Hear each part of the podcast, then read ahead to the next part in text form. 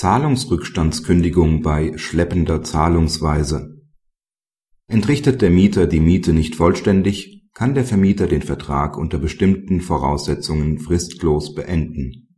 Diese Voraussetzungen hat der BGH jetzt präzisiert. Wegen einer vermeintlichen Verletzung der Konkurrenzschutzabrede mindert der Mieter im BGH-Fall die monatliche Miete von etwa 7.780 Euro einschließlich Betriebskostenvorauszahlung und 16 Prozent Mehrwertsteuer um 1.740 Euro brutto. Bei einem daraus resultierenden Gesamtrückstand von 8.700 Euro für fünf aufeinander folgende Monate kündigt der Vermieter den Vertrag fristlos. Die Parteien streiten nunmehr um den Bestand des Vertrags und weitergehende Ansprüche der BGH hält die Kündigung für unwirksam. Die Voraussetzungen des § 543 Absatz 2 Nr. 2 BGB liegen nicht vor, so dass der Vermieter kein Kündigungsrecht hatte. Der Mieter ist zunächst nicht mit der Entrichtung eines nicht unerheblichen Teils der Miete in Verzug.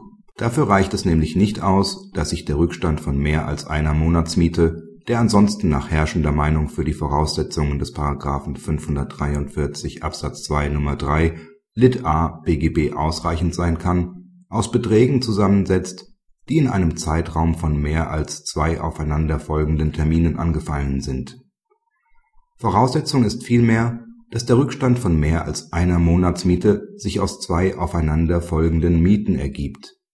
Dies folgt bereits unmittelbar aus dem Wortlaut des § 543 Absatz 2 Nummer 3 Lit a BGB Zudem ergibt sich dieses Verständnis aus dem Vergleich mit Lit b der Regelung.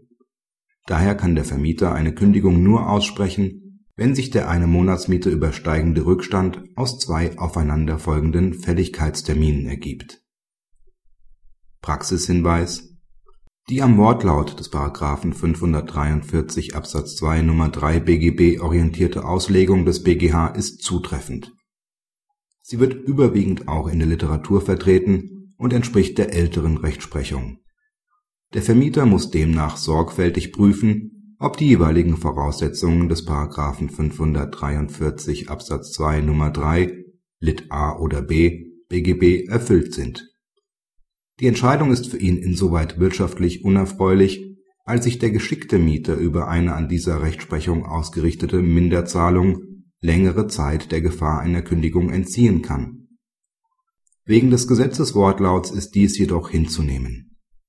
In dieser Lage ist der Vermieter aber nicht schutzlos, denn er kann eine Kündigung aus wichtigem Grund nach 543 Absatz 1 BGB bewirken, muss dazu aber eine Frist setzen oder den Mieter erfolglos abmahnen. 543 Absatz 3 BGB